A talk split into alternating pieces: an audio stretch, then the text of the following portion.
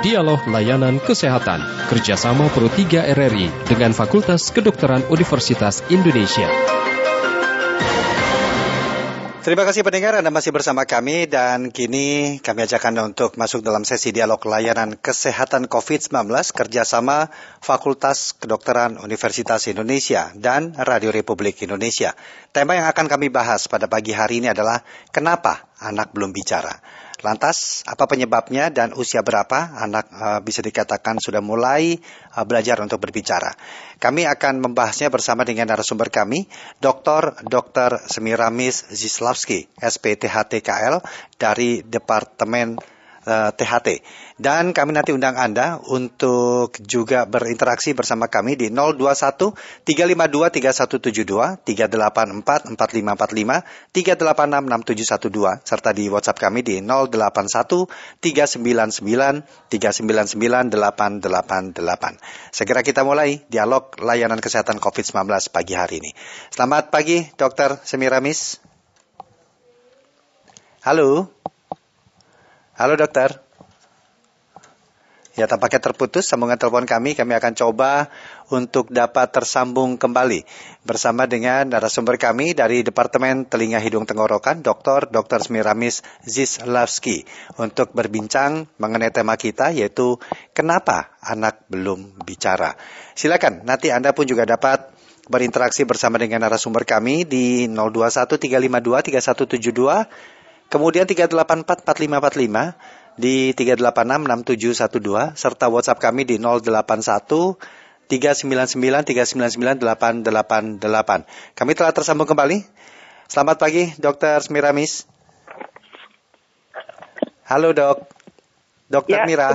Ya. Selamat pagi, Dokter Mira. Ya, selamat pagi. Ya, kabar baik dok ya pagi hari ini ya. Eh, kabar sehat deh. ya, kalau mungkin sebagian orang di Jakarta terutama mengenal dokter sudah tidak asing lagi, khususnya di angkatan-angkatan kami ini dok ya. Iya, dokter anak. Baik, tema kita kenapa anak belum bicara? Menarik sekali nih dokter Mira. Sebenarnya uh, usia berapa sih dok?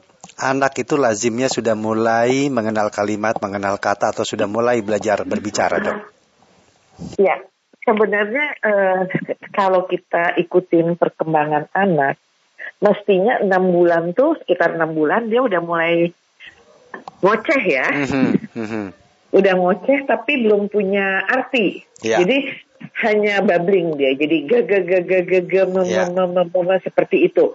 Nanti setelah sembilan bulan mungkin dia sudah bisa uh, yang punya meaning misalnya dia udah bisa dada mm-hmm. atau mama papa yeah, jadi yeah. udah ada arti dan dia mengerti yeah. nanti setelah 12 bulan atau setahun sudah lebih berkembang menjadi beberapa kata yeah. jadi itu uh, perkembangan yang normal ya yeah.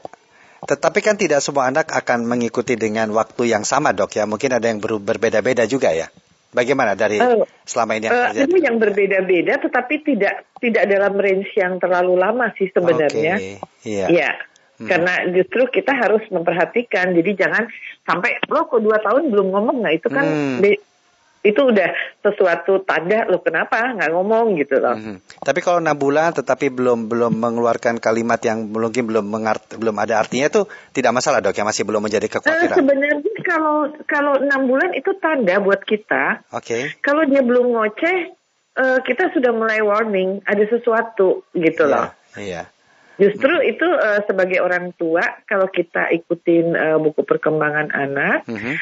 kita lihat bahwa kalau dia belum ngoceh berarti kenapa kok dia diem aja gitu loh. Iya. Nah kita kan evaluasi lagi bagaimana dia misalnya respons terhadap suara bagaimana hmm. atau perhatian dia kalau ada uh, suara uh, bunyi-bunyian di sekitar dia bagaimana. Tidak merespon Itu kan begitu, uh, ya? kita harus memperhatikan, iya. Iya. Apa yang harus dilakukan kalau begitu dok? Jika kita mengetahui anak kita enam bulan atau bahkan sampai dua tahun belum bisa berbicara? Uh, tentu saja kita bisa mulai dari uh, misalnya kita ke dokter anak ya, ya. kan rutin ibu lebih sering bawa ke dokter anak untuk misalnya imunisasi. Kita bisa menceritakan, dok kok anak saya misalnya uh, kok belum ngoceh ya, hmm. masih diem aja. Hmm. Kemudian uh, kayaknya respons ke suara juga kurang. Nah biasanya oleh dokter anak yang tanggap juga dia biasanya akan uh, memeriksa lebih lanjut. Bahkan kalau dia memerlukan, dia akan merujuk ke THT untuk cek apakah ada masalah pendengaran atau masalah yang lain gitu. Iya, biasanya dok, anak paling lambat uh, bicara itu di umur berapa? Uh, sebenarnya ke, uh, biasanya orang tua tuh baru menyadari itu setelah umur setahun ya. Mm-hmm. Kadang pun baru dua tahun baru mereka mulai panik gitu loh. Yeah. Tapi kita kita sebagai uh, orang tua harusnya uh, dari mulai babbling kita harus udah aware kita harus perhatikan. Dari yang ngoceh tadi itu dok ya, yang iya, seharusnya iya, usia enam bulan sudah mulai ngoceh, tetapi mulai belum ngoceh, itu kenapa dia diem? Ya, ya, itu sudah bisa jadi warning itu dok ya. Iya, betul. Hmm, baik. Kemudian dok, uh, penyebabnya apa dok? Apa saja yang bisa mengakibatkan seorang anak uh, tidak ada tanda-tanda untuk ngoceh atau bahkan sampai belum bisa bicara di usia dua tahun itu? Oke, okay. penyebabnya macam-macam ya. Uh, kalau saya bisa uh, bagi itu pertama kali misalnya uh, hmm. karena saya orang THT, yeah. saya pasti berpikir apakah ada gangguan pendengaran pada anak ini. Oh, ya. Yeah. Ya, mm-hmm. jadi kenapa kita cek dia dengar apa tidak karena uh, anak itu mulai mengocek karena dia ada stimulasi dia mendengar dengan baik lalu dia suka meniru mm-hmm. jadi ada imitasi ya anak meniru mm-hmm. nah kalau dia tidak mendengar, tentu dia tidak ada yang mau ditiru. Jadi kita per, uh, pertama adalah apakah ada masalah dengan pendengarannya atau tidak. Mm-hmm. Kalau tidak ada masalah, kita harus cari ada masalah yang lain atau tidak. Misalnya, anak ini ada gangguan dengan perilakunya, apalagi kalau dia udah umur-umur 2 tahun ya apakah ada tanda autis yeah. atau ada tanda-tanda uh, anak yang sangat hiperaktif sehingga yeah. dia tidak mampu untuk belajar.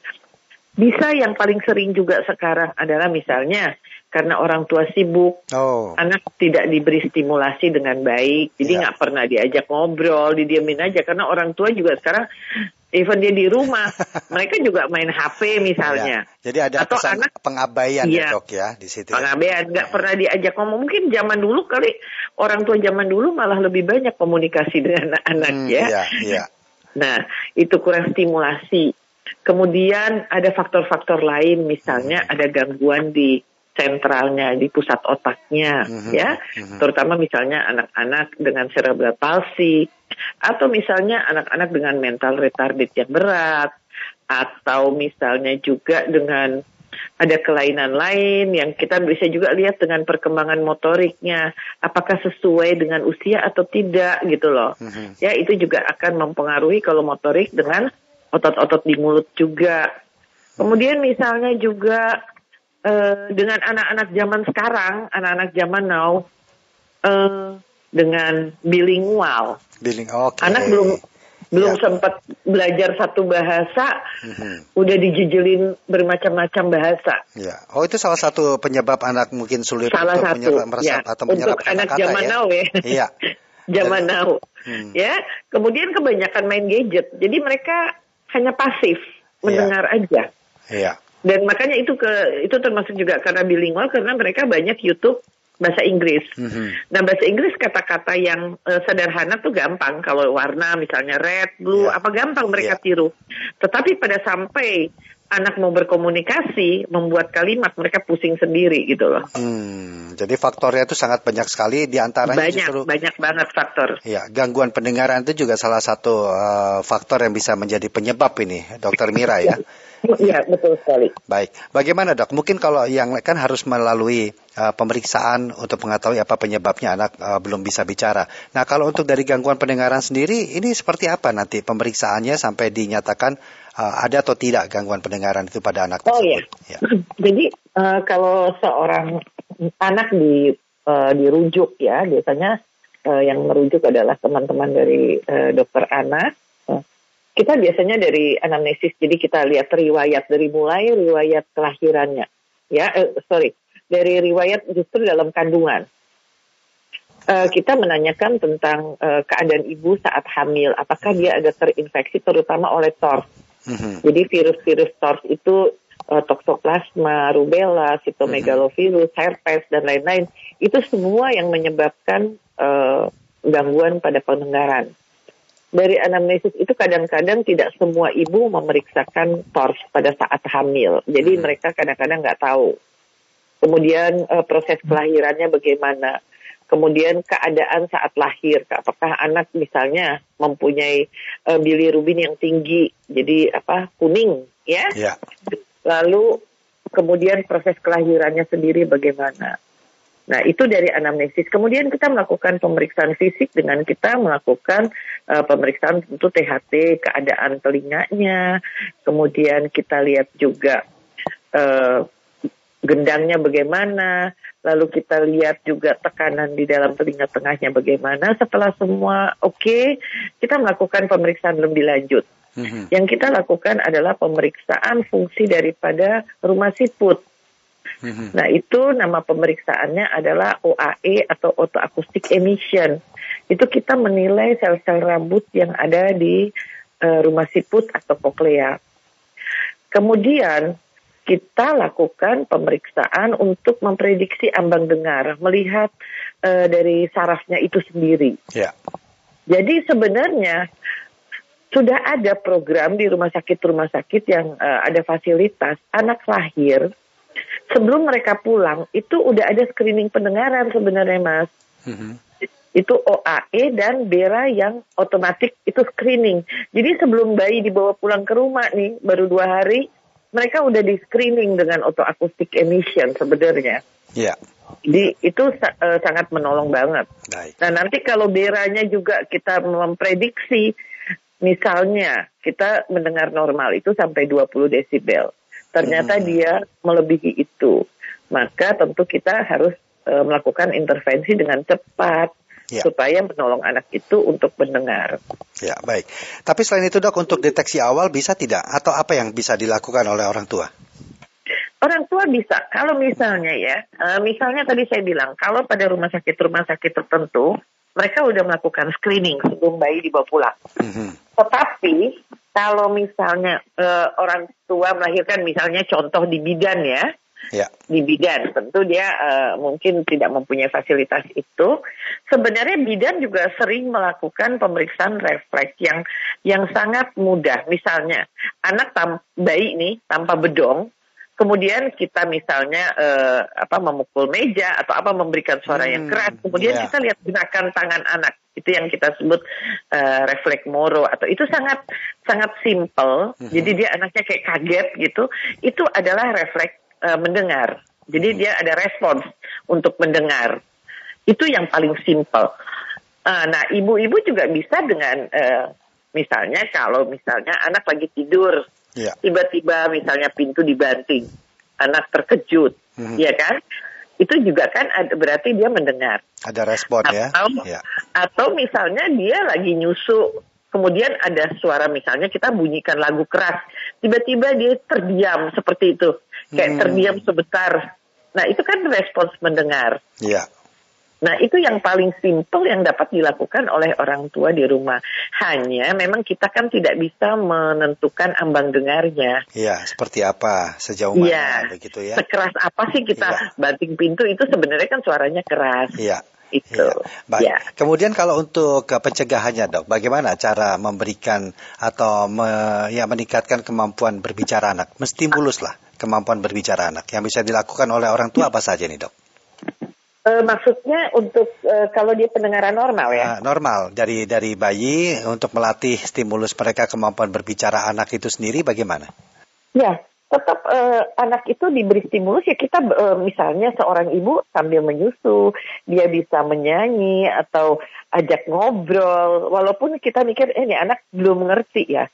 Tetapi stimulus dia mengenali suara ibunya. Kemudian kemudian dia dengan bertambah umur kita tetap ngajak ngobrol, dia mulai mengenali uh, suara uh, orang lain ya. Yeah. Yang pertama pasti ibunya ya, kalau apalagi ibu yang menyusu. Atau kalau ibu nggak menyusu, malah dia mungkin uh, babysitternya yang dikenalin suaranya dari awal ya. Iya yeah, yeah. kan? Jadi stimulus itu harus diberikan dari awal. Bahkan uh, kalau kita lihat kan ada ibu-ibu hamil memperdengarkan suara musik Mozart misalnya katanya hmm, kan. Itu yeah. stimulasi juga. Ya Jadi sebenarnya stimulasi dengan suara kita, suara uh, manusia itu jauh lebih baik daripada kita hanya memberikan uh, eh, HP dan anak disuruh mendengar gitu loh. Iya. Karena itu beda. Baik, Dokter Mira di akhir uh, dialog kita apa yang bisa dokter sampaikan untuk uh, ya orang tua yang memiliki anak bayi terutama dan seperti apa juga kepedulian terhadap perkembangan anak itu sendiri. Silakan dokter. Ya, uh, pertama. Uh, kalau seorang ibu merencanakan uh, kehamilan, perhatikan kesehatannya. Jangan abaikan apabila misalnya uh, terjadi infeksi yang uh, mungkin ibu pikir ah ini hanya sepele, terutama rubella ya. Mm-hmm. Itu kayaknya kayak ruam-ruam merah di badan, badan juga enggak panas demam tetapi hangat-hangat. Kalau memang memungkinkan ya periksa tors ya. Kedua, pada saat perkembangan anak paling tidak enam bulan ibu harus tahu bahwa anak itu sebenarnya sudah mulai mengoceh walaupun belum punya arti.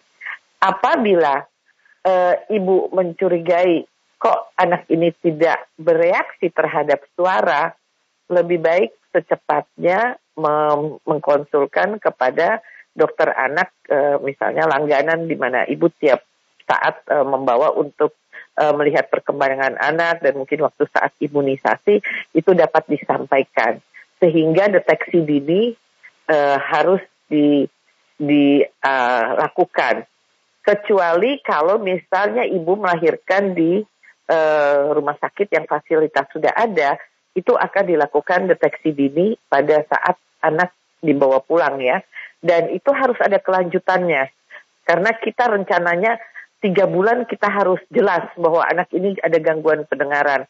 Karena sebelum usia enam bulan, kalau memang ada gangguan pendengaran, anak ini harus kita intervensi. Apakah kita mau memasang alat bantu dengar supaya anak bisa terstimulasi sehingga dia dapat berkomunikasi uh, selanjutnya. Karena dari dari penelitian itu kalau anak diintervensi kasih alat bantu dengar sebelum enam bulan maka pada usia tiga tahun anak ini mempunyai kemampuan untuk berkomunikasi setara dengan anak normal. Itu yang paling penting. Ya. Baik, kalau begitu Dokter Mira, terima kasih banyak sudah meluangkan waktu berbincang dalam dialog layanan kesehatan COVID-19 kerjasama FKUI dan RRI. Terima kasih dok, salam sehat. Selamat Terima kasih, Mas. Selamat pagi. Demikian tadi kami telah berbincang mengenai tema kita kenapa anak belum bicara bersama dengan Dr. Dr. Semiramis Zislavski, SPT HTKL dari Departemen Telinga Hidung Tenggorokan. Dan Anda dapat kembali mengikuti dialog layanan kesehatan ini setiap hari Senin hingga Jumat, tentunya dengan tema dan narasumber yang berbeda. Demikian dialog layanan kesehatan kerjasama Pro 3 RRI dengan Fakultas Kedokteran Universitas Indonesia. Acara ini bisa Anda dengarkan setiap Senin sampai dengan Jumat pukul 9.30 waktu Indonesia Barat.